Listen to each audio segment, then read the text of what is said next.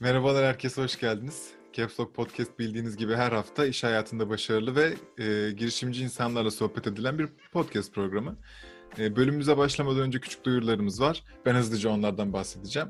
Bizleri mutlaka Instagram'dan takip edin. Çünkü bütün bu güzel girişimlerin bütün haberlerini, orijinal içeriklerimizi orada sizler hızlı tüketin diye paylaşıyoruz. Bunun haricinde açıklama kısmında bir Patreon linkimiz var.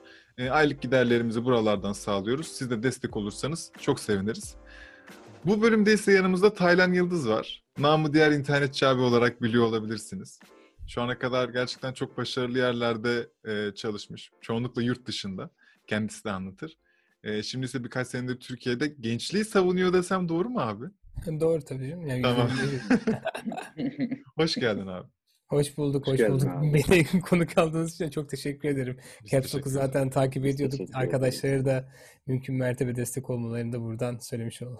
Ha, teşekkür ederiz. Teşekkürler. Şimdi bizim mükemmel bir sorumuz var. Onunla başlıyoruz.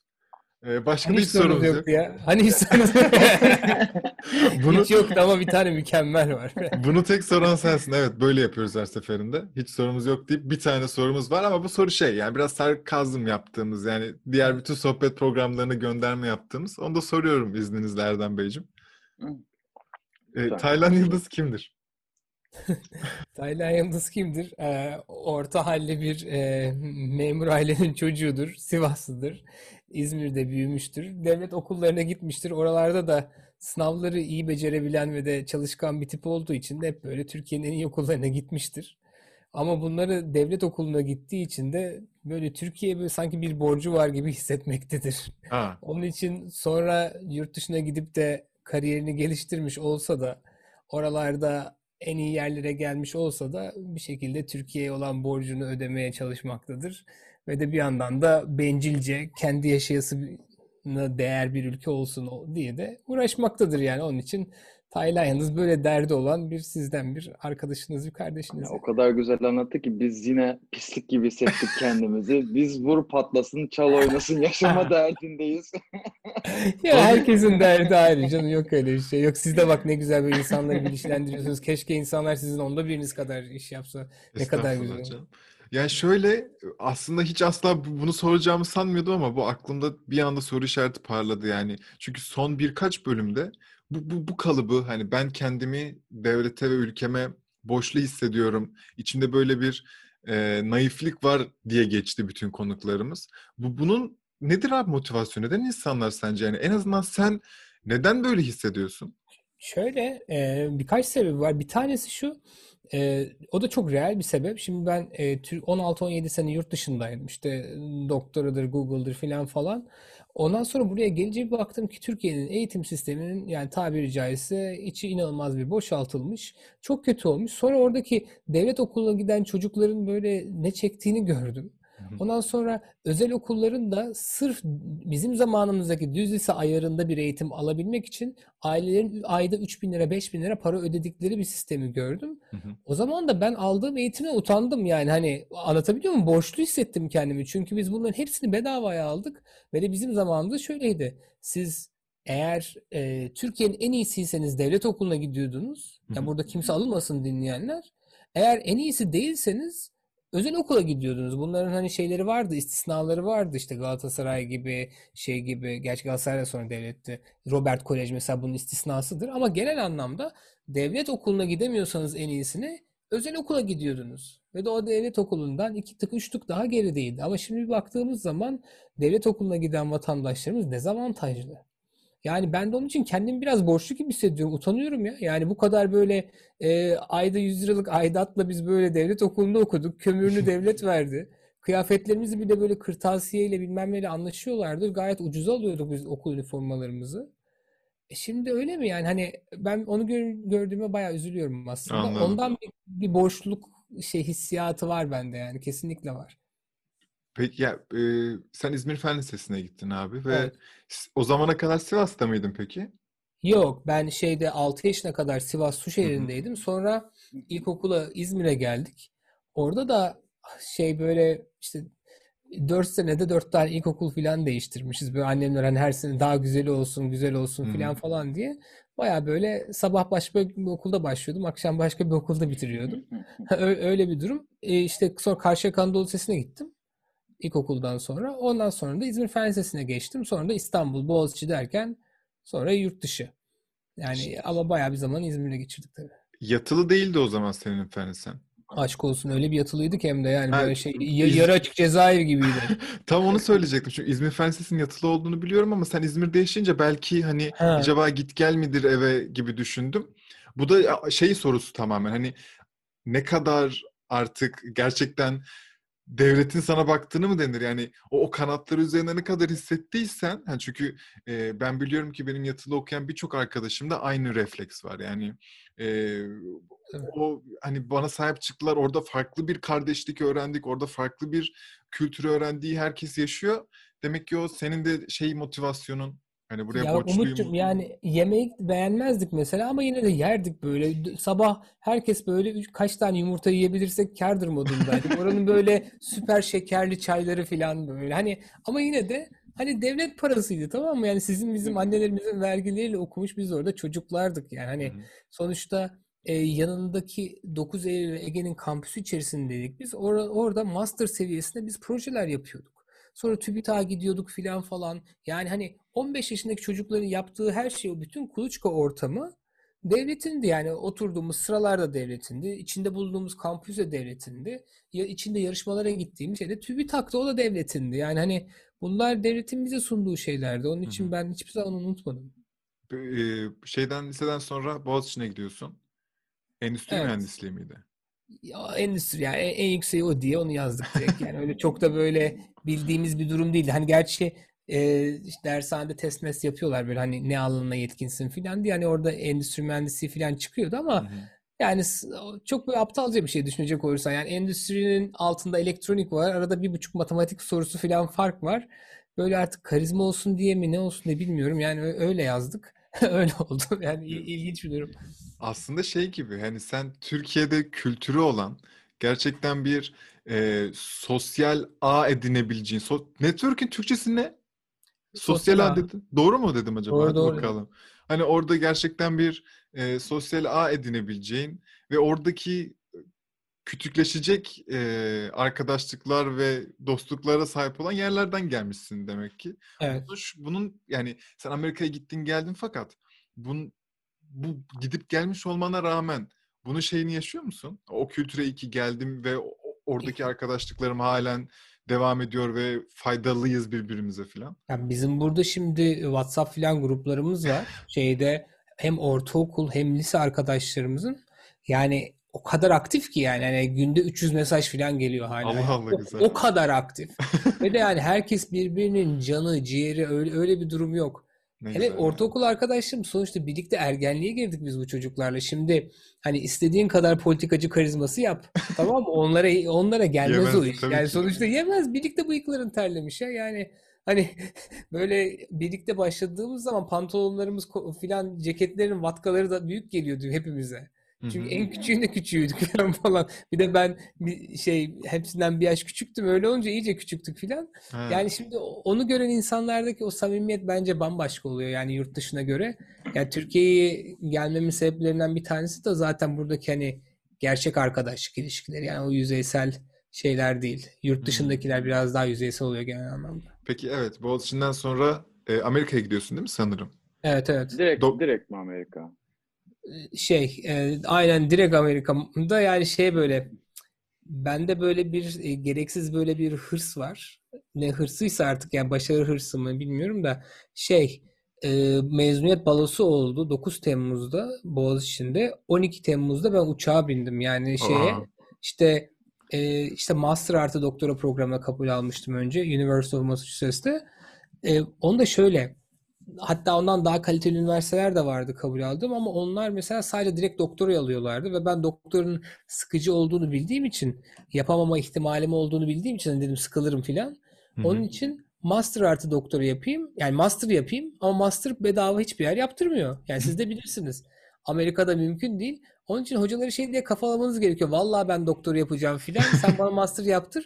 işte Universal Massachusetts'te onu buldum. Ee, o zamanlar internet de çok kötü yani. Hani bir tek hocaların e-mailini biliyorsunuz. Oradan böyle işte Hotmail'den mail atıyorsunuz. Sonra bekliyorsunuz Allah'ım inşallah görmüştür cevap yazacak falan diye.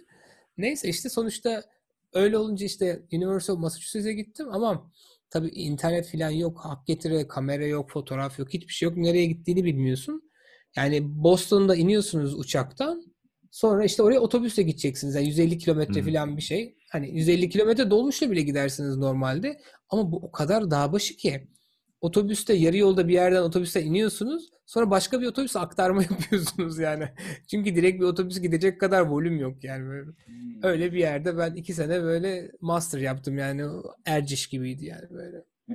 E, ya ben tam aslında sen söyledin abi ama ben de aynısını soracaktım. Bu akademide başarılı olma e, yani bilmiyorum neden bu kadar çok istedin başarılı olma? Yani seni nereye götüreceğine inandığın için ya da bir pla- en ufaktan bir planın mı vardı ki Ha. hepsi bir planın mı parçasıydı? Çünkü Yok ben yapabileceğin en Biraz da başarılı yetene- adam- yetenek gibiymiş bence. Abi bu yani. yetenekle ne hani alakası var? Neden Çalışacaksın. Boğaziçi bir şey bir şey bölümü? Çünkü en yüksek oydu. Adam alıyor yani. Alıyor. Zehir.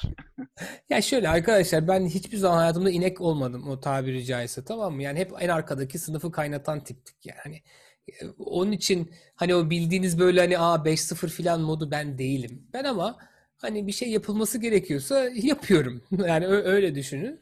Ya şey derece yapılması gerekiyordu. Derece yaptık yani hani bu ya da işte TÜBİTAK olimpiyat takımına girmesi gerekiyordu yaptık filan falan.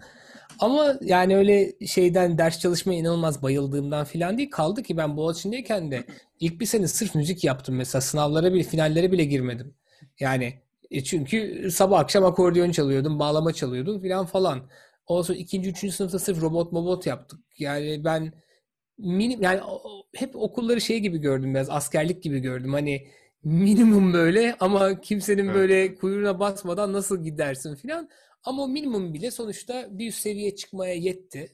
Böyle çok fazla çalışmadan işte master'da filan da birinci olmuşum. O da ama yani Türkiye'de olunca ama kibir olsun diye söylemiyorum. Yani Kibirle alakası yok ama biz burada inanmıyoruz abi. Ya ben hep hiç e, çalışkan değildim deyip hepsi Boğaziçi'ne birincilikle giriyor. Hepsi işte Stanford'a gidiyor.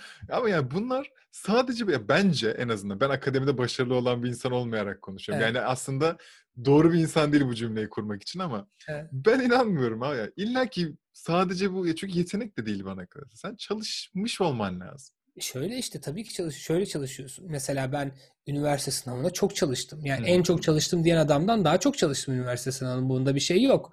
Çünkü hep İzmir Fen Lisesi'nden çıkardı birinciler. Ve de mesela ben de İzmir'in e, çoğu zaman birincisi oluyordum dershane sınavlarında filan. Hani hep ilk üçte oluyorduk. Birkaç tane çok önemli dershane vardı. Onların birincileri zaten Türkiye ilk üçü filan oluyordu. Yani ve de bizim arkadaşlarla hepsi de İzmir Fen Liseli arkadaşlar tabii ama biz son dönem böyle Karşıyaka Lisesi gibi düz liselere geçtik. Şey olsun orta öğrenim başarı puanı diye bir şey vardı. Hı. İşte seni işte körve falan koyuyorlardı diye. Neyse e, yani şeydi aramızda böyle bir tatlı bir rekabet vardı. Onun için de ben çok net hatırlıyorum. Ben her gün 400-500 tane arası test sorusu çözerdim. Hı. Ve de biz böyle profesyonel öğrenciydik o zaman. E, dershaneye gidelim diye bize para veriyorlardı. Üstüne de bırakın parayı. E, bu, bu- bunu size hala gururla anlatıyorum. Şeyler yeni bir test kitabı yazıldığı zaman cevap anahtarım doğru mu yanlış mı diye bize gönderiyorlardı. Abi bunları ilk Basılmadan. defa duyuyorum bu arada. Ha, ben de hiçbir yerde söylemedim. Aa çok iyiymiş. Bu profesyonel öğrencilik hayatımda ilk defa böyle bir title Terimi duydum. çok iyi bir şeymiş. Tabii ben hayatım boyunca profesyonel öğrenciydim. Yani master'da da para aldım, doktorda da para aldım. Yani ben hiç okumaya para vermedim yani. Aa çok güzelmiş. Ya düşünsene böyle bir insansın ve sana diyorlar ki seni staja alacağız. 3 ay ve para vermeyeceğiz. Yani dersin ki abi sen benim hayatımı biliyor musun? Evet. Peki Ha, ta- tam öyle. o hayata gelmişken sen e, Amerika'da kalmaya karar veriyorsun ve iş başvurusu mu yapıyorsun? Google Google'a adım atma nasıl başlıyor? Ya Google'dan önce daha ben daha Stanford'da doktora yaptım ondan önce Ha, bir de doğru, yani. doğru. Arada var. Arada var. Şey şöyle o ben University of Massachusetts'te master yaparken bir kere e, baktım ki bu işin doktorusunu yapmayayım. Dünyanın en sıkıcı işi. Ortamda böyle bir tane dere var.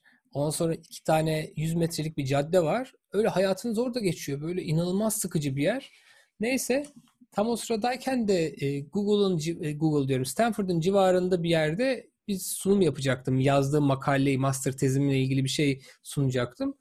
Orada kar yağarken, Massachusetts'te kar yağarken Amerika'nın kuzeydoğusudur orası. Ağrı gibi düşünün ya. Yani böyle hani şöyle söyleyeyim size. Banka soymak için kar maskeleri vardır ya. Sadece gözleriniz gözükür. Onunla çıkıyorduk dışarıya. Günlük bir giyim. Günlük bir giyim. Bakın ben Kasım ayında bir eldivenimi kaybettim. Nisan ayında karlar çözüldü. Eldivenimi buldum yolun ortasında. Yani bu şaka değil. Ya bunu hani yazsanız insanın aklına gelmez bu kadar. Abarttın dersin çünkü. Arabanın e, hani uzaktan kumandası vardır ya arabanın şeyleri açılır, kilidi açılır. Her seferinde kilit donuyordu. O metal aksam donuyordu. Onun için e, şeyle kanırtarak şeyi açmak gerekiyordu. Kilitle açmak gerekiyordu. Ama onun da içi donmuş olduğu için böyle İngilizce key lock de-icer diye bir şey var. Böyle bir oje gibi bir şey düşün. Spreyle. Çözüyor. Onu onun içine şey yapıyorsun, püskürtüyorsun. O önce buzu çözüyor. Sonra öyle kanırtarak açıyorsun filan. Ya, arabanın içine biniyorsun. içi buz, dışı buz. Allah'ım yani böyle e, rezalet bir şey. Anladım abi. Yani öyle bir ortamdan ben o Stanford'a gittim e, işte sunum yapmaya. Bir gördüm ortam aman Allah'ım yani şey kuşlar, çiçekler, böcekler, hava 24 derece, herkes tişörtle. Kasım ayının o 14'üydü hatta çok net hatırlıyorum. Yani hani dedim ya hani buraya gelinebiliyorsa gelinsin yoksa da doktora yapılmasın. Yani hani zaten karın ağrısı bir şey. Hı hı. Neyse öyle olunca da ben o gazla zaten e, şeye başvurdum. E, Stanford'a başvurdum. Hı hı. Ondan sonra başvurduktan sonra da işte baya böyle erken de böyle bir kabul aldım oradan böyle. Va- O kadar güzel anlatıyor ki ben de başvuracağım bir yerlere bu akşam. Bak ben kesin yani başvurdum gittim oldu gittim. Vallahi canım çekti yani böyle ya. Öyle öyle diye diye sonra işte e, gittik şeye e, Stanford'a gittik. E, Gayet de iyi oldu ama orada şeyi gördüm ben. Yani bir tane normal adam yok ortalıkta. Nasıl o normal adam yok? Hepsi zaten bölümünün bilmem nesinin birin- birincisi. İkincisi bizim University of Massachusetts böyle dandiriğin dandiriği kalmış orada. Zaten herkes Harvard'lı MIT'li filan ya da Rusya'nın bilmem nesinin birincisi, Indian Institute of Technology'nin birincisi, ondan sonra Teknion'un birincisi İsrail'de filan. Böyle tipler. Ama Bir de- Boğaziçi'nin birincisi var bir de yani orada. Ama ben. Boğaziçi'nin birincisi değilim ama ben Massachusetts öyleydim. Yok, yok Boğaziçi'nin birinci filan değil. Ben ka- 10. mu 15. mi neyimdir yani. Öyle. Ama şey işte neyse neyse orada şey var. İşte e, bu insanlar hepsi aynı zamanda kimi Everest'e çıkmış. Kimi Ninja Black Belt tamam mı? Hmm. Kara kuşak. Kimi Amerika te- şey masa tenisi şampiyonu. Hepsi bir arızalı tipler yani. Böyle hani ondan sonra şeyi anladım. Beni niye aldıklarını anladım. Çünkü ben bir yandan da müzisyen kimliğim vardı. Şeyde Massachusetts'te böyle başka eyaletleri dolaşıyorduk. Müzik yapıyorduk. Ben Amerikalılara bağlama dersi veriyordum bir yandan. Filan. Ondan sonra e, yani sonuçta hani ben hep hayatı girişimci gibi yaşadığım için hiçbir zaman yaptığım hiçbir şeyde oradaki patikadan gitmedim. Yani hani düşün hani fen lisesindeyken proje yaptım. Bir yandan akordeon öğreniyordum. Senfoni orkestrasının koro şefinden filan. Ondan sonra Boğaziçi'ndeyken robot yapan bir e, ekibe girmiştim ki ekip hep master doktor olaydı. Ben orada sap gibi böyle undergrad şey daha yani iki satır kod yazmayı bilmezken kendimi onları yaparken buldum ama iyi ki yapmışım. Onu yaptığım için oradan bir tez çıktı. O tez ondan sonra en iyi öğrenci yarışma makalesi yarışmasında böyle dünya üçüncüsü mü ne oldu bilmem ne oldu. Sonra o benim mesela master doktora sürecimi çok etkiledi falan. Bunların hepsi böyle birbirinin üzerine geliyor. Tabii. Yani her zaman ben yani okul müfredatının 100 kat dışında işler yaptım. Yani müfredat hiçbir zaman kesmedi beni yani. Hı hı. Ben akademi bitmez ama e, biz ilerisine yol alalım diye burada hemen bir şey ku- kur yani burada küçük bir atlıyorum ve e, Stanford'dan sonraki az önceki sorumun aslında bir dahasını soracağım. E, Stanford'dan sonra Google'a ilk ayak basış nasıl oluyor? Oradaki e, hikaye diyeyim artık. O da şöyle oldu. Şimdi e, şeyde ben ünivers doktora 3. sınıftaydım önce. E, doktora 3. sınıftayken de artık bir tez konusu bulmanız gerekiyor. Bu arada doktoranın stresini ben şöyle anlatayım size. Bizim bölüme her sene iki kişi giriyordu. Ondan sonra benim önceki senem, üst senemde herkes atıldı. Bitiremediler. Hmm. Çünkü birinci sınıfta bir sınav oluyor. Onu geçemezsiniz atılıyorsunuz. İkinci sınıfta iki tane makale yazıyorsunuz. Onu geçemezseniz atılıyorsunuz. Üçüncü sınıfta tez için proposal veriyorsunuz.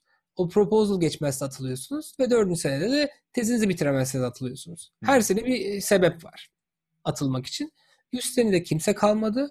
Benim senemde benimle birlikte girmiş bir başka bir tip vardı. Ondan sonra o birinci sınıfın sonunda atıldı. E, bitir, bitiremedi. Alt sınıfındakiler de atıldı. Ben 3 sene boyunca mezun olan tek Allah'ın kuluyum. Ah. Tamam mı? Yani 2006 7 8'de mezun olan bir kişi var. O da Taylan abiniz. Şimdi böyle bir durumda olunca üzerimde böyle inanılmaz bir ilgi vardı tabii yani hani pozitif anlamda söylemiyorum aslında iyi de 15 tane profesör var. Hepsi dünyanın en iyi hocaları, business school hocaları. Ama yani bir yazı yazıyorsunuz noktasından virgülüne, kelimelere falan hepsine karışıyorlar. Çünkü işleri yok Biraz- başka. Ha, bir anlamda da çok iyi. Neden? Yani o kadar ilgiyi kim görse gerçekten hem İngilizcesi düzelir hem akademik anlamda da düzelir. Ya ben de bayağı bir ilgi gördüm. Hı hı. O anlamda da ileride de hayatıma çok katkısı oldu. Ama ben bu arada işte tam 3. sınıfta artık doktora tezi bulmam lazım. Ve de biz böyle quant insanlarız. İşte big data analizidir, ekonometridir, cart curt. Onlar için çok fazla veri lazım. Şirketler de veri vermiyorlar. Bende de tezmez yok 3. sınıfta daha başında. Bu arada bir tane iş ilanı gördüm. Diyor ki iş ilanında. Şimdi Amerika'da e, şöyle bir şey var. Public Securities Association diye bir e, şey var. Bu association var. Bunlar şey yapıyorlar. Goldman Sachs, Merrill Lynch'in falan oluşturduğu bir şey.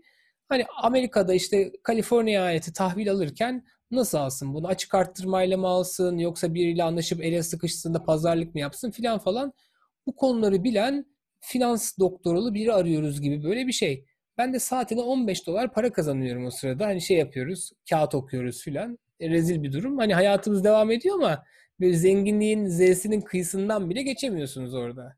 Bir de yaşadığımız yer Amerika'da hani Beverly Hills gibi oranın en zengin yeri olunca e, bildiğiniz gibi fakirden bir tık hallice yaşıyorsunuz. Neyse e, ben dedim ki bunlara ben dedim size finans danışmanlığı yaparım. Lan etin ne budun ne daha 25 yaşındasın finansın fesinden anlamazsın. Ama matematiğim çok iyi. Bir de özgüvenim 1 milyon. Şimdi böyle olunca dedim ne kadar zor olabilir. Sonra konuştuk biz bu adamlarla filan telefonda. Aa, bu arada millete sordum. Kaç para diyeyim ben bu adamlara saatini, saatlik ücreti ne diyeyim yani? Ondan sonra bilmiyorlar. Bilmiyorlar. Yani referans noktamda saatim 15 dolar. Sonuçta hani ben bunlara 30 desem ya kralım. Ya kralım. Böyle böyle bir durumdayız. Neyse ama bu arada şey de biliyorum. Stanford'ın kaşesini biliyorum. İşte benim hocalar mesela yapsa ne yaparlar filan hani onları biliyorum. Sonra ben bunlara dedim ki ya boş atayım dolu tutayım ne olacak dedim. Dedim saati 150 dolar. Oh. Ne olacak? Adam telefonda 3 saniye bile düşünmedi. Tamam dedi ne hiç sıkıntı yok gayet güzel dedi filan. Aa, 10 lan dedim, katı bir anda. Keşke 300 dolar deseydim ya dedim. Ne oluyor? Nasıl bir iş bu? Bu finans nasıl bir şeymiş? Böyle bal tutan parmağını yani iş parayla oynayınca bu adamlar da yani onun için hani ondalık rakam bile değil bir yandan düşünecek olursanız. Neyse bunlar benden danışmanlık istediler. Ben de sonra o konularla ilgili bütün makaleleri okudum filan bunları anlayacağı biçimde özetledim bilmem neler yaptım bildiğiniz ben ondan sonra işte e, şey için devlet tahvilleri için hangi piyasa koşulları ne yapılır uzmanı oldum kendi çapımda zırt diye öğrendim. Neyse oradan böyle güzel böyle paralar kazandım. Bir de şey bakın Amerika'da e, şöyle bir durum var. Dediler ki dediler ki nasıl fatura edeceğim diye sordum. Dedi ki yani hani haftada kaç saat çalışıyorsunuz? Yaz kağıda gönder bize yani e-mail yaz gönder. Bu kadar. Çok Yani 5 ise 5, 55 ise 55 çarp 150 ile. Yani zevke bak. Şimdi e tabii ben bunu yaparken bir anda doktor tezini falan unuttum. Hmm. Yani kim takar doktora tezini? Ya şöyle düşün. Ya günde 8 saat çalışıyorsun. Yani çarp 150 dolarla oldu sana 1200 dolar. Yani ben böyle saati 15 dolar ve de hayatı böyle şeyle geçmiş özellikle Massachusetts yılları böyle açlıkla geçmiş bir insan olarak ya Massachusetts'te biz iki dilim peynirli pizza mı yesek bir dilim kıymalı pizza mı yesek optimizasyonu yapıyorduk. Ya. Yani tamam? Otur ağla. Şimdi ondan sonra buraya gelince böyle benim bir anda şeyim kaydı. Hani akademik falan bunlar güzel şeyler ama şu işi biraz yapalım falan oldu. Tabii ben çok mutluyum. Tez hocalarım da bana dedi ki ya Taylan sen çok fazla mutlusun. Tez, tezi olmayan bir öğrenci için Stres bak olman lazım biraz. Böyle şey yapma biraz stres olsan fena olmaz mı filan. Neyse tabii ben e, öyle olunca yine hani her şeyi askerlik gibi böyle minimum olarak ya- yapmayı becerebildiğim için ben böyle hop hop hop böyle hemen kendime bir tez konusu buldum. Hemen data buldum, onu buldum, bunu buldum. Ondan sonra şey yaptım. E, orası devam etti. Bu arada da ben parayı buldum ya biraz. Hı hı. Hadi dedim en azından şimdi şey böyle binilebilir bir araba alayım. Çünkü şu anki arabam şeydi böyle o da ayrı bir bir saatlik episod da böyle süper dandik. 100 kilometreyle gidince hız rekoru kırdığını zannediyorsun. Ve de ak- aküsü nasıl biliyor musunuz arkadaşlar? Bak akü bitmenin ben size tanımını anlatayım şimdi. Şimdi şöyle düşün. Aküsü o kadar bitik ki arabanın sağ sinyali verdiğin zaman sinyal yandıkça radyosu kapanıyor. Yani radyo açılıyor kapanıyor. Açılıyor kapanıyor. Yani akünün ikisini besleyecek canı yok. Abi bir şey söyleyeceğim. En çok gü- en çok güldüğüm bölüm ya şaka gibi. Peki gerçekten araba bölümü yap çekelim mi Umut'cum? Başka bir Çekelim abi. Valla arabayı nasıl aldığımı da anlatayım size. Nasıl yalvardığımı. Yani sıfır peşin, sıfır taksit, sıfır her şey. Üstüne bir de kaskonun bile peşinatını aldım. Çünkü beş kuruşum yoktu yani. Böyle ağlıya ağlıya aldık. Neyse. işte işte ondan sonra dedim hani güzel bir upgrade yapayım en azından. İkinci el bile olsa Kaliforniya'ya yakışır üstü açık bir araba alayım. Porsche. Yok daha oraya gelemedik. Onu sonradan aldık. Ondan sonra şey bu arada ben Porsche çok severim böyle şey. Onu da anlatırım biraz. Şeyde ondan sonra işte şey yaptık. Bu e, bir kadın e, demiş ki ben kızımın arabasını satıyorum işte üstü açık Saab böyle ikinci el ama Hmm. güzel bir alet filan. Gittim e, arabasını bir test sürüşü yaptım. Test sürüşü yaparken de e, kadınla biraz muhabbet ettik. Ben dedim işte doktora 3. sınıf öğrencisiyim. O dedi aa ben de dedi Stanford'da MBA'lere bazen guest lecture veriyorum marketingde dedi. Dedim ne yapıyorsunuz? Dedi ben Google'da direktörüm. Abi yapma. Ha dedim iyi ilginç. Ondan sonra e, dedi e, e, şey dedi sen ne yapmayı düşünüyorsun ileride? Ben dedim hoca olmak çok sıkıcı. Yani bana gelecek şeyler değil bunlar ki bizim programlar şöyle gördüğün gibi hani 3 senede bir kişi mezun oluyor ya. Onlar da sen git başka bir okulda hoca ol. Mesela Harvard'da hoca ol. Sonra birlikte makale yazasını istiyorlar. Yani çünkü hani meşaleyi birine verecek Evet. hocalar. Onun için nefret ediyor hocalar. Sen git o şeye Google'a Google'a git kimse istemiyor. Anladım. O Öyle akademi mu? hayatını sürdür istiyorlar. Tabii tabii onu sürüyor istiyorlar. Neyse işte ben ona da dedim ki ben akademiye gitmeyeceğim. Kesin endüstride bir şey yaparım ya da startup kururum falan falan. Neyse sen bana bir CV'ni göndersene dedi. İyi dedim göndereyim. O dedim ama daha benim mezun olmama bir sene var. Sen gönder dedi. Neyse ben bunu e, ona dünyanın en komik e-mailini attım kadına. Dedim ki işte araba işte 2000 dolar daha ucuza olur mu? Bu arada CV'm Bu ekledir. yani Abi Sivaslılığın hakkını bu kadar veremezsin bak. Gördüğüm en iyi Sivaslı maili buydu. Aynen öyle. İşte ondan sonra da ben e, bir, bir sene sonraydı filan böyle artık. E, ben dördüncü sınıfın başlarındayım.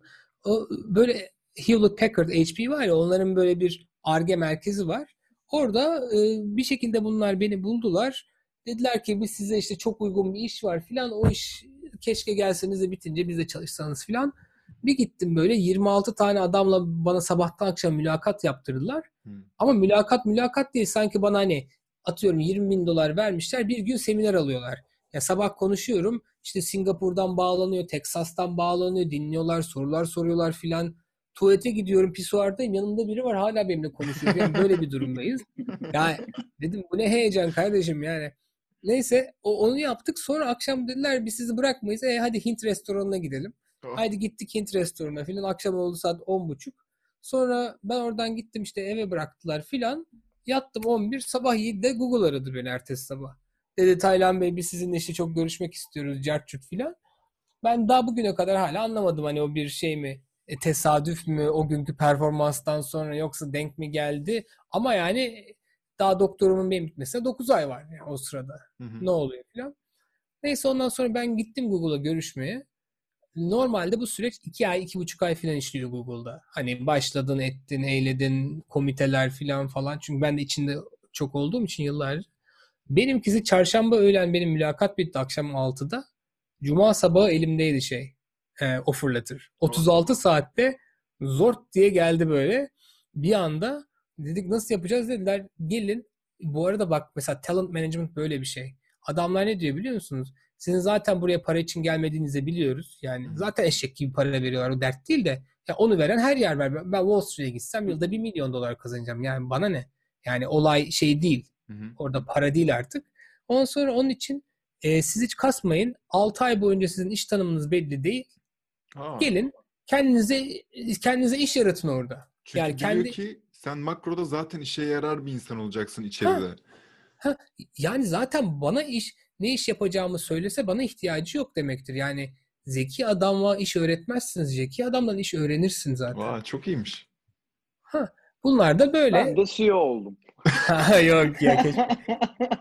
Ama şey ben de orada mesela mini CEO oldum. Çünkü o zaman da mesela Google'a girince kendi e, çok passionate olduğum bir iş vardı. Ondan sonra kendi Google için startup'ımı kurdum mesela. Nedir abi o? E, şu an mesela YouTube'da o gördüğünüz bütün e, brand lift falan şey platformları var. Optimizasyon platformları falan var. Hı hı. O bazen belki YouTube'da gezerken şey görüyorsunuzdur. Size soru soruyor. Hangi markaları tanıyorsun, hangileri Tabii. tanımıyorsun. Orada devamlı A/B test falan yapıyor aslında sana. Tabii. O A/B testi yapan bütün platformları abin yaptı yani o şeyleri. Ha, Wow. bayağı bir ödül müdül aldık orada Google içinde yani. Eline sağlık. Peki Hı. ilk girdiğin yani ilk 6 ayı sanırım biraz loş bir ortam. Ama 6 aydan sonra direkt ellerini sıvayıp bu işe mi başlıyorsun? Yo ben ya ilk anda e, şey- beni oturttular bir takıma. Oturttular takım da bu arada şey pazarlık yaptığımız arabayı pazarlık yaptığımız kadının takımı. Hmm. Tamam mı? Yani o, o takımda e, başladım. Ben dedim ki kendime yani sonuçta benim en iyi olacağım takım bu değil. Şu yandaki takım. Benim oraya gitmem lazım. Bu arada da yapmamız gereken şey böyle optimizasyon, böyle A/B test yapmak lazım. Causality'yi anlamak lazım filan falan. O sıralarda da dünyada onu düşünen yok. Yani ilk şu abiniz yaptı o işi yani dünyada. Yani Evet, Facebook evet. bizden aynen aldı. Kaç sene sonra yaptı filan falan.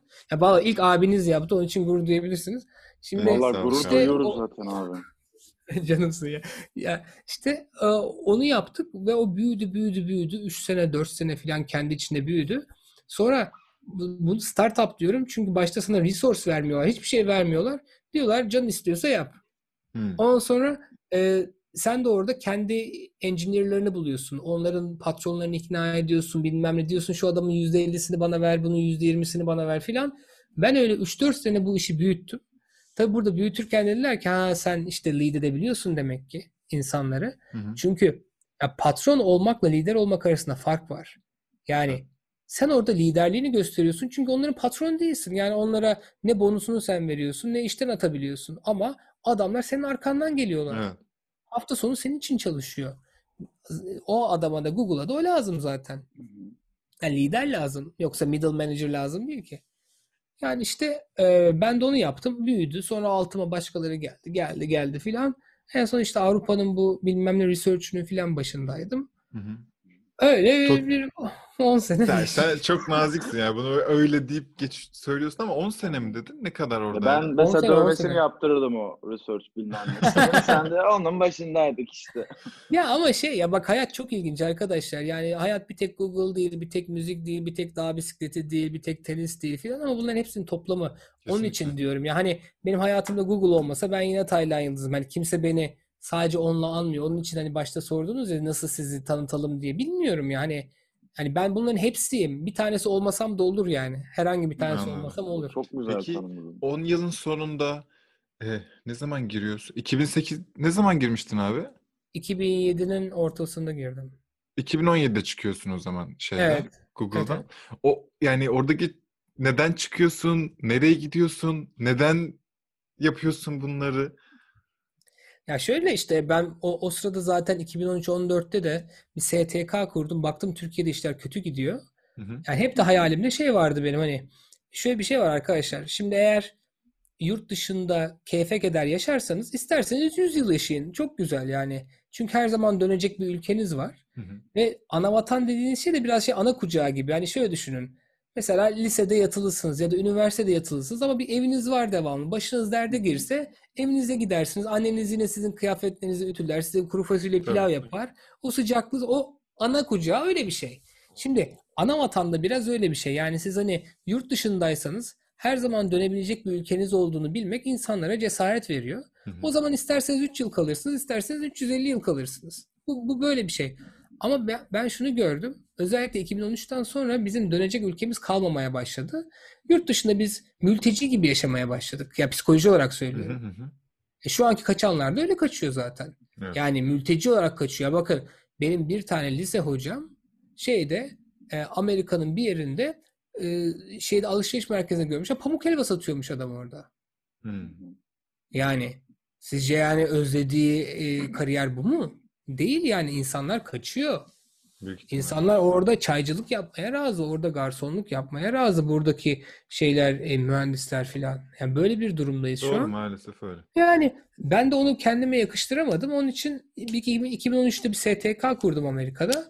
Dedim işte haydi Türk gençleri, yurt dışındakiler özellikle Türkiye ile ilgili projeler hani haftada 5 saatiniz varsa 5 saatinizi Twitter'da böyle iktidara sallayarak geçirmeyin.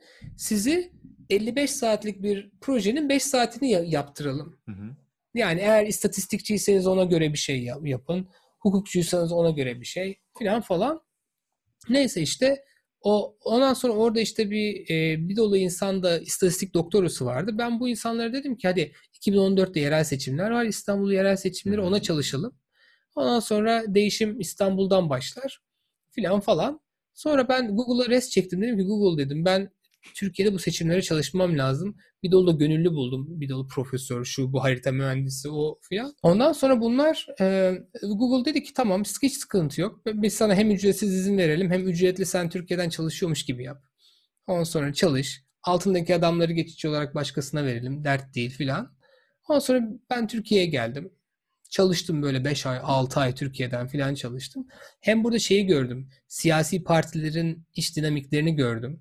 Hı hı. Ondan sonra orada nelerin değişmesi gerektiğini gördüm. Talent management'ın ne kadar olmadığını gördüm. Klikleşmeler olduğunu gördüm filan. O anlamda çok moralimi bozdu ama bir yandan da benim şeyi e, bu e, reklam yönetebilme becerimin siyasette aslında ne kadar iş yaptığını da gördüm. O anlamda da güzel oldu. Ama sen neden bir anda siyasete hani keskin bir giriş oluyor? E çünkü çok düşündüm yani ben bu memlekete nasıl faydalı olabilirim diye dedim ya STK kuracağız ya milyar dolarlık şirket kurup Türkiye'de üniversite lise açacağız. Hı. Ya e, mazluma para dağıtacağız ya bir şey yapacağız ya da siyaset. Şimdi siyaset çeşmenin başı. Yani sen orada 700-800 milyar dolarlık bir bütçe yönetmek var ve o bütçede senin yaptığın yüzde birlik bir değişim sana 7-8 milyar dolarlık katma değer demek. Hı hı. Yani çok basit söyleyeyim. Ben şu an hani İstanbul Meclis üyesiyim. Şimdi metroya internet getirmeye çalışıyorum değil mi? Hı hı. Şimdi metroda internet getirsem ben Taylan abiniz olarak yani her gün bir buçuk milyon insanın günde ortalama 1-2 saat kullandığı yere hem internet hem de şey getirmiş olacağım. Bunu hangi startup bugün ben yaptım diyebilir? Bu kadar büyük bir etkiyi. Sanırım şu an yok herhalde. Ya diyemez. Mümkün değil. Yani siyaset böyle bir şey. Yani bu e, çeşmenin başı ve de siz dışarıda ne yaparsanız yapın adamlar burada öyle bir kural geçiriyor ki sizin yaptığınız işleri terse yani akıntıya karşı kürek çekmek zorunda kalıyorsunuz. hı hı hı. E kurun bir tane çok güzel okul kurun. Tamam yetiştirdiniz 200 tane pırıl pırıl genç süper. E kaldı 18 milyon. Ne yapacaksın? Yani bana her gün çocuklar diyor ki abi bana tablet al, abi bilgisayar al. Ben de alabildiğim kadarını alıyorum da yani bir Taylan Yıldız, bir Umut Yaka, bir Erdem Şentürk kaç tane tablet alabilir yani? Tabii. Yani e, onun için bu Türkiye ile ilgili sorunların gerçekten çözülmesi için siyasetin düzelmesi lazım. Bunun siyasetten yapılması lazım. Onu da bu eski kadrolar, eski siyaset bilinci o zihniyetle olmaz bu. Onu fark ettim. Onun etüdünü yaptım. Hı hı. Çünkü hani 10 2014'te falan bu şeyleri yapınca e, kampanyaları yönetince onu fark ettim. Sonra dedim biz bunu o zaman o sıfırdan parti kuracağız. Bilmem ne yapacağız. Bir de benim onun için pişmem lazım. Hı hı. Sonuçta hani e, nasıl pişilir? Sonra ge- geldim Türkiye'yi gezdim. 40 tane şehir gezdim. 80 üniversitenin öğrencileriyle konuştuk. Ettik. Ben böyle baya baya bir Anadolu'yu gezdi bu abiniz. Hı hı. Öyle olunca da yani hem siyasi parti dinamiklerini anlamış olduk hem de e, Türkiye'deki gençler ne istiyor onu anlamış olduk. Ve de da- o da beni acayip yani ümitlendirdi açıkçası yani ne yapılacağı, ne yapılması gerektiği. Yani onun için ben siyasete girdim. Öyle yani. Genelde şimdi e, hadi siyasete girdiysek yani çok gerçekten buranın yani Caps konusu değil ama merak ettiğim bir şey var bir genç olarak. Aldığın tepkiler nasıldı? Çünkü ben açıkçası söylemek gerekirse ki çok gerçekten siyasetle ilgili, siyasi insanlarla ilgili bir insan olma, olmadan söylüyorum. Ee, ilk defa bir siyasetçiyi yakın görüyorum. Neden? Çünkü genç olduğunu, genç zihinli olduğunu yani bu yaştan bahsetmiyorum. fark ettim. Ee, tabii ki Ekrem İmamoğlu, e, Mansur Yavaşlar bunların yanlarında geliyor. Ve bence herkes benim gibi hissetmiştir. O yüzden eminim ki sana ki sen Twitter'da orayı burayı da çok aktif kullanan bir insansın. Heh. Ne gibi dönüşler geliyor sana bu konuda? Sen senin yanlarında olduğunu hissettirdiğin insanlara. Herkesin söylediği şey umut. Umut, umut, umut. Seni çok seviyoruz abi. Yanındayız abi. İlk defa ülkeyle ilgili bir umudum oldu abi. Yani, Yani ilk üç umudumdan biri değil. İlk defa umudum oldu diyor bu insanlar. Bunun sebebi de şu. Ya ben kahvehanede konuştuğumda insanlar diyor ki en son Özal bizimle böyle konuşmuştu diyor. hmm, Tamam mı? Yani neden? Çünkü Özal'da da şey kafası vardı, proje kafası vardı, yani teknokrat kafası vardı. Evet. Ben de insanları gerçekten sıfırdan itibaren ve de cami cemaatine de böyle anlatıyorum. 17 yaşındaki meslek lisesi öğrencilerine de aynı şeyi anlatıyorum. Türkiye nasıl kurtulur anlatıyorum ve de insanlar ya bunu bir sağcı solcu şey olmadığını, gerçekten Türkiye'nin kurtuluşunun e, ortak bir best practice'lerden geçtiğini anlıyorlar. Ve de öyle olunca da herkes seviyor ya. Çünkü ben kimseyi ötekileştirmiyorum. Herkes bana diyor ki ya sağcı mısın, solcu musun abi? Diyorum ya geç bunları, geç bunlar 20. yüzyıl kavramları.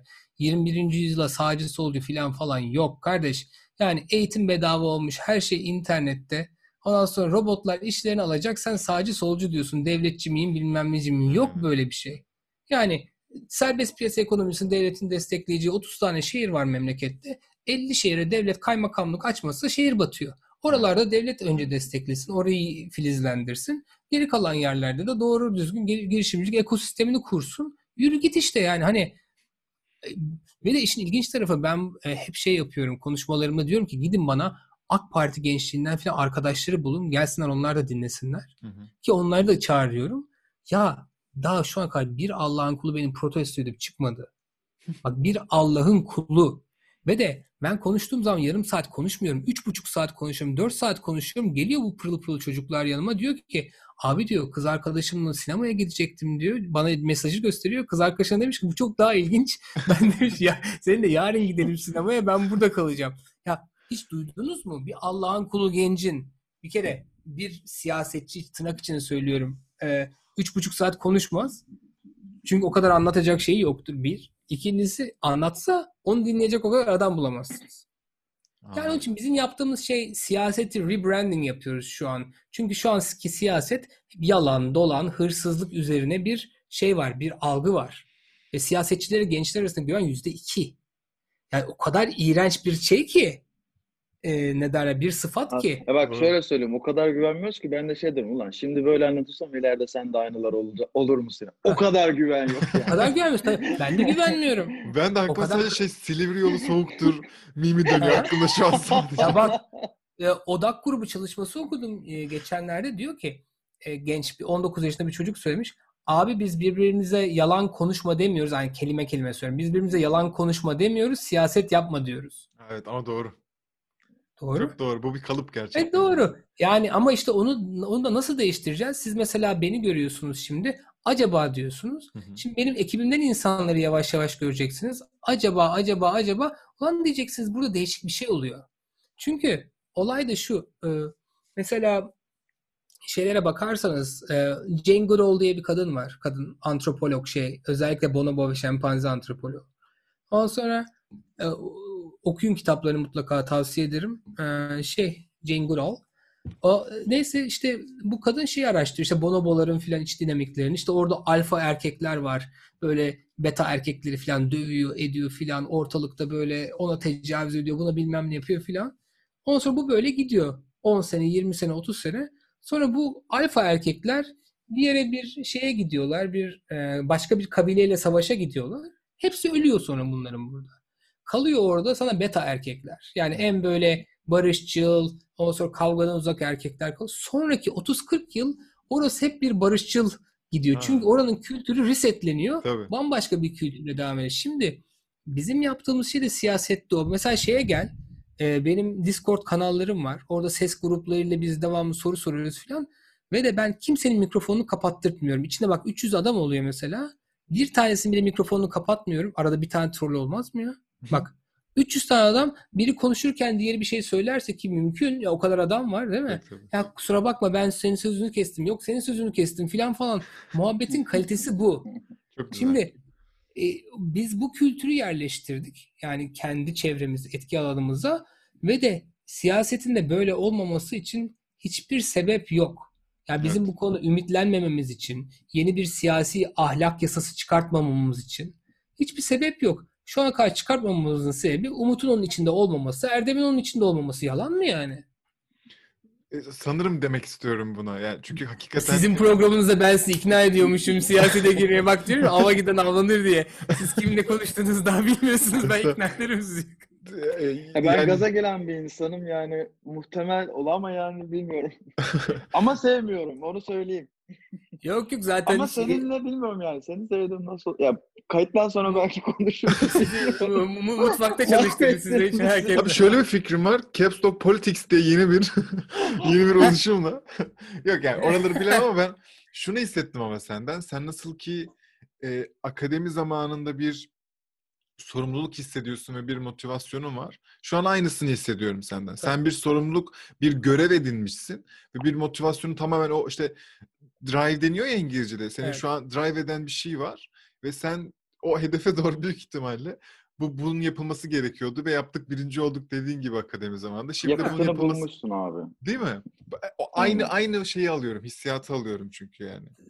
ya, ya yapmak lazım. Ya yapacağız hani hep beraber. Hep beraber bunu yapacağız ve be- bence hani güle oynaya olacak. Çok da keyifli olacak. Çünkü Ya bu inşallah ya. yeni nesil siyaset çünkü şöyle bir şey var bak. E, şimdi siyasette bir şeyin değişmemesinin şöyle bir sebebi var arkadaşlar. Şimdi genelde partilerin gençlik politikaları yok. Çok dandik. Tamam mı? Yani sizin bizim duymak isteyeceğimiz hiçbir şey yok. Şimdi vasatta birleştikleri için de gençler eşit olarak dağılmışlar bunlara yani bu partilere. Öyle olunca da kimsenin e, yani game teorik olarak açıklayayım size. Kimsenin bu alanda böyle innovate etmek gibi bir incentive yok. Çünkü yani biri innovate etse diğeri edecek, o edecek, o edecek. Böylece ne olacak? Partiler gençleşecek. O zaman tepedeki yaşlı kadroları kötü olacak. Onun için bunlarda bir yine ekonomik terimle söyleyeyim. Tacit collusion diyorlar buna. Yani Ben konuşmadan bir işbirliği var arkada. Hı hı. Tamam mı? Kültür gibi Tacit- mi yani? Böyle yani devam tacit eder. şey demek. Tacit şey demek. e, sessiz demek. Hı hı. Öyle düşün. Collusion demek de şey demek. işbirliği demek. Hı hı. Mesela ikimiz e, şey şirketiyiz. Atıyorum e, ne şirketiyiz? Cep telefonu şirketiyiz. İkimiz de fiyatları arttırıyoruz hep beraber. Hı hı. Buna collusion deniyor. Bu illegal bir şey. Çünkü sen duopolisin o e, şeyde. E şimdi burada da partiler öyle. Bunlar bir oligopoli. 3-4 tane parti var. O 3-4 tane parti piyasayı şey yapıyor. Söyle adına ele geçirmiş durumda. E şimdi aradan ama bir tane gençlikle ilgili çok iddialı olan bir şey olsa o zaman bütün partilerden oransız orantısız olarak gençler oraya geçecek. Tabii. O zaman bütün ezber bozulacak. Anladım. Yani e, muhabbet o. Onun için bence bu önemli. Bir de bak girişimcilik anlamında şu önemli. Bence oradan size çok materyal çıkar. Bu program için de çok materyal çıkar. O da şu. Şimdi e, insanları e, kendi startup'ınız için yani bir vizyonunuz vardır. Ona göre nasıl motive ediyorsunuz? Bir dünya için bir şey yapıyorsunuzdur. O konudaki ulvi amacınızı insanlar satın alır. Çok Hı hı. güzel bir şey. Ama onu desteklemek için şöyle bir şey vardır. Siz o insanlara bir de dersiniz ki kardeş sen zengin olacaksın. Hı hı. Yani bütün startuplarda böyle bir şey var. Sonra gidersiniz zengin abilere, ablalara bana 1 milyon dolar ver. Senin 1 milyon doları 10 milyon olacak dersin seneye. Öyle bir o hayali satarsın. Şimdi bu nispeten kolay bir iş. Şimdi daha zor iş ne? Bu insanları gönüllü olarak çalıştırıp bir STK üzerinde özellikle bir parti ya da başka bir şey hadi bakalım bulun 20 tane gönüllü size bedavaya çalışacak ve karşısında da para yok. Ya bak hani para ümidi yok. Diyorsun ki bana para ver. Ne kadar Böyle bir vaat yok. Ha öyle bir vaat yok yani hani o eski siyasi sistemde var o vaat. Çünkü hı. diyor ki öyle olursa diyor işte arsa al bak sana işte tarla al onun üzerine gece kondu olsun üzerine gökdelen olsun filan öyle şeyler var. Ama bizim yaptığımız siyasette o yok. Onun için bu girişimciliğin artık black belt'i yani. Gerçekten kara kuşağı bu. Yani yiyorsa sen bin tane adamı gel motive etsin arkanda durmaya. Ondan sonra zamanını harcasın, parasını harcasın ve karşısında da bir finansal beklentisi olmasın. Çok Onun doğru. performans yönetimi nasıl yapılır? Tabii benim benim Nasıl bütün yapılır? ailem e, aktif e, partilerde görev alan insanlar olduğu için bunu çok çok iyi biliyorum. Yani benim ben daha ne kaç aylığım yani 6 aylık bile yokum bir kutunun içindeyim ama biz orada 1 Mayıs'tayız falan gibi böyle hikayeler var. İşte o, o orada bir Tabii. ak- aktif görevler o başka bir şey. Yani e, o, o gerçekten bir lider uğruna bir, bir amaç ve bir inanış uğruna e, senin herhangi bir karşılık beklemeden e, ve nesiller boyu da aktarmak istediğin yani bunun bunun kalıcı olarak bir hissiyat olarak istediğin bir e, durum. Onu çok iyi anlıyorum yani şu an. Orada bir de bak şöyle bir sorun var. Senin annenlerin, benim annemlerin jenerasyonunda şöyle bir genel bir öğreti vardı. Kendi hayatını boş ver, kendi kariyerini boş ver, gerekirse çocuğun da olmasın, ideoloji için öl. Böyle evet. bir genel ge- geçer bir şey vardı. Onun için o gençler için bunu yapmak daha kolaydı. Ama şimdiki gençler ben merkezci. Haklı Tabii. olarak ben merkezci. Diyor ki devlet bana bir şey vermedi. Benim kendimi kurtarmam lazım diyor. Yani sen ona şey diyemezsin. Gel hadi şey Taylan abinin arkasına düş. Hadi biz bu yolda öleceğiz diyemezsin. Yani dememelisin de zaten. Neden o zaman iş çünkü? O zaman zaten iş o zaman iyice daha da zorlaşıyor. Çünkü Tabii. olay haydi yürüyün arkadaşlar değil. Bakın arkadaşlar biz sizi kurtaracağız. Sorumluluğu da bizde. Sizin bir şey yapmanıza gerek yok. Ama yapmak isterseniz hani buyurun burada işte gönüllü formumuz var. İşte tweet attık falan böyle şeyler yapıyorsunuz. Yani şey e, onun için e, bunlar aslında girişimcilik anlamında da böyle içinde bayağı içgörüler olan alanlar. Yani değişik Elbette öyle. Kesinlikle öyle. Buna yani bu, bu hatta birçok e, girişimcilik dinlediğimiz o efsane girişimcilik hikayeleriyle çok benzeşen durumlar var içinde. E, ben kapanışa böyle yavaş yavaş gelirken Firefly'ı da konuşmadan olmaz diye düşünüyorum. Çünkü konuşalım.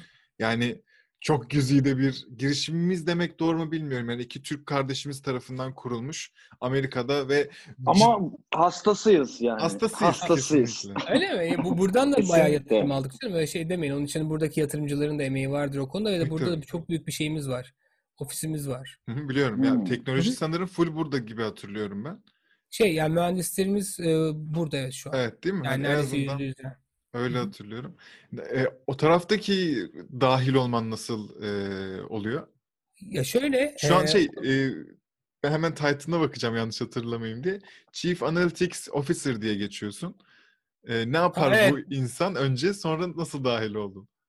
Ya Chief Analytics Officer dediğin işte e, sonuçta şirketin aldığı bütün veriler nasıl işlenir de sonra nasıl e, şirkete, reklam verenlere filan katma değer olarak geri döner. Yani Firefly'ın Veya şeyse para kazandırır. Yani Firefly'ın katma değeri yani Türkçesi. Hı hı. Yani veriyle ilgili her şey diyebilirsin. Ama benim bu e, şey işleri çok büyüyünce bu e, Hı hı.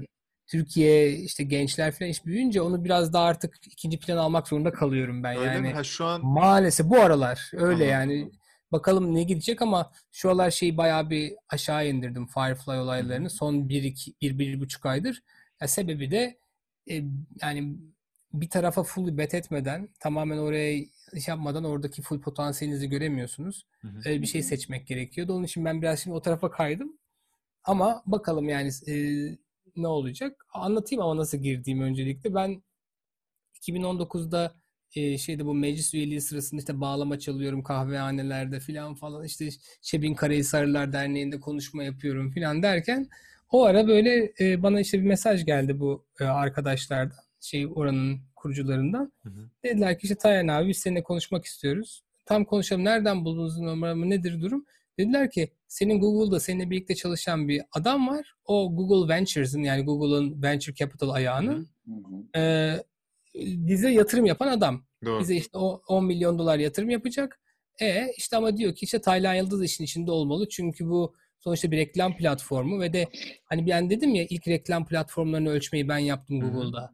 Yani benim uzmanlık alanım yeni bir reklam platformu varsa atıyorum native advertising tamam mı? Yani ya da hiç bulunmamış bambaşka bir şey. Şimdi onların nasıl ölçüleceğini öyle bir şey yoksa benim uzmanlık alanım onları kurmak. Hem Ha. product'ından tur da altındaki Bayağı koşul patentini- veriyorlar yatırım verirken. Ha gibi öyle de düşünebilirsin evet. Neyse sonra ben onlara bir önce bir danışman falan olayım dedim. Sonra baktım ya yapılacak o kadar şey, o kadar çok şey var ki danışman olacak gibi değil. Ben hani full time gireyime döndü. Hı hı. Ama bir yandan Türkiye'deyim. Politika yapıyorum. De seçim kazandık filan falan. Ben gündüzleri meclis, akşamları Firefly gece 2'ye kadar ya ölüyordum. Neyse ama bu arada tabii ben böyle 4 tane patent aldım geçen sene. Yani onların çoğu da yakında ben görürsünüz. Yani hani outdoor mecraların nasıl ölçülmesi, ne yapılması gerektiği ilgili Ha, çok iyi. bayağı süper inovatif işler aslında. Yani o onları yaptık filan ve yani outdoor'un da hani çok fazla gelişeceği zaten e, çok e, benim tahminim olacak bir şey. Ve de benim de zaten yeteneklerime acayip uyuyordu. Bir de ben Türk kardeşlerimize, genç kardeşlerimize çok yardım etmek istedim. Çünkü çok iyi bir başarı hikayesi var orada. Bilmeyenler için söyleyelim. Hani bu taksilerin, Uber'lerin üzerine büyük iPhone'lar koyuyoruz düşüneceğiniz. Yani Evet. reklam paneli gibi ama reklam paneli değil sadece. İçinde böyle sensörler var, onlar var, bunlar var filan. Konuma göre, kitleye göre hedefli Havaya göre yani yapıyorsunuz Daha falan neler neler, neler neler. Yani biz oraya yani dünyanın gördüğü en güzel şey hava kirliliği ölçülmeme sensörlerini falan da koyduk. Yani şu an yani böyle metre metre Anlık mesela ölçülüyor. anlık böyle tıkır tıkır her şey ölçüyor. Yok yani dünyada öyle bir ikinci bir teknoloji şu an. sadece aslında Ya- şey reklamdan kazanmıyordur o zaman. Bu, bu bütün bu verileri de Data drive. Yani daha onları monetize etmedik ama onlar olacak lisanslaması. Şu, ba- bayağı bir onun şeyi var çünkü şu an yolu var. Hı hı. hem işte bazı sağlık çalışanları filan bu verileri istiyorlar. İşte astımla korele etmek için isteyen var. Evet. Ondan sonra Çok çok değerli yönetimi- çünkü. belediye yönetimi için kullanıyorlar bunlar. Hangi sokakta ne kadar bilmem ne. Sonra mesela koşu moşu uygulamaları var. Hı hı. Adamlar senden anlık olarak caddelerde şey istiyor ki sağdan koş diyecek sana. Gidip de egzoz dumanın içinde koşma diyecek mesela. Aa, evet. Gibi ya onun gibi bir milyon tane şey kullanım şeyi var orada. Tabii binlerce araç sürekli olarak seyir halinde kilometrelerce yoldaki data var ve anlık bunların hepsi. Emlak, emlakçılar çok ilgili mesela çünkü e, insanların şu an dikkat etmediği şey bu nanopartiküller aslında insan sağlığı için inanılmaz zararlı. Egzozlardan çıkıyor. E, normalde HEPA filtreniz falan yoksa evin içine de giriyor. Onun için böyle yoğun bir caddenin önündeyseniz yani geçmiş olsun. Hmm. Şey e, gerçekten e, insan sağlığına zararlı şeyler. Onun için ileride iyi emlak şirketleri bunları da fiyatına koyacak. Ona göre Anladım. satışını yapacak. Ha, Bunlar için de hani sokak sokak ölçebilmek önemli böyle şeyler gibi gibi.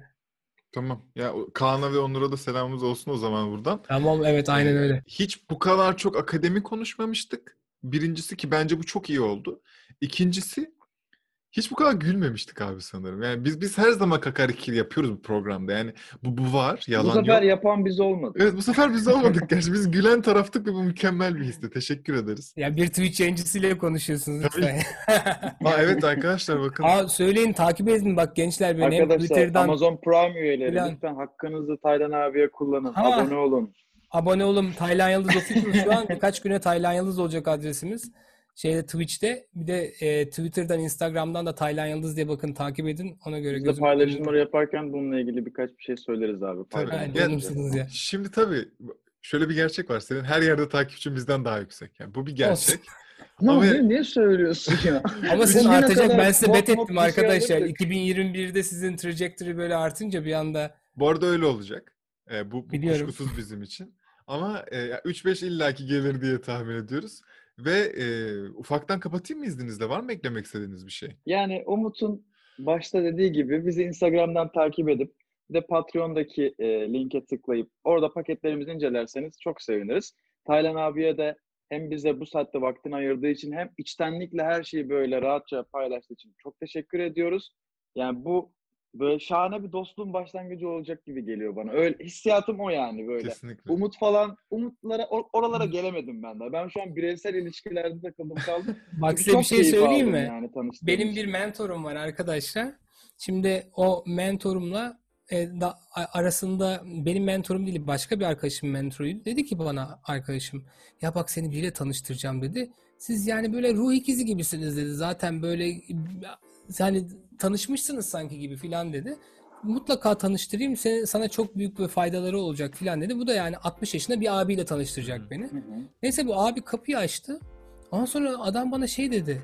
Seni tekrar görmek güzel dedi. Gerçekten Tamam mi? mı? Hı. Bak bu korkunç. Yani Orada Part aslında 2 başladı. Part iki baş- Yani orada sonuçta demek istediği şey biz aynı ruh kabilesindeyiz hepimiz. Onun için hani ben sizi böyle yeni tanımış tanışmış gibi hissetmiyorum açıkçası. Yani sizi tekrar görmek güzel arkadaşlar. Bayağı zaman oldu yani o kadar. Tamam pekala Evet, doğru bunu bunu kabul abi. ediyorum. Ee, o zaman diğer bütün ruh eşlerimize bir sonraki görüşmemize kadar kendinize çok iyi bakın diyorum. Ee, Taylan abicim yeniden geldiğin için teşekkür ederiz. Ee, tüm dostlarımıza da bir sonraki bölümde görüşürüz. Bay bay.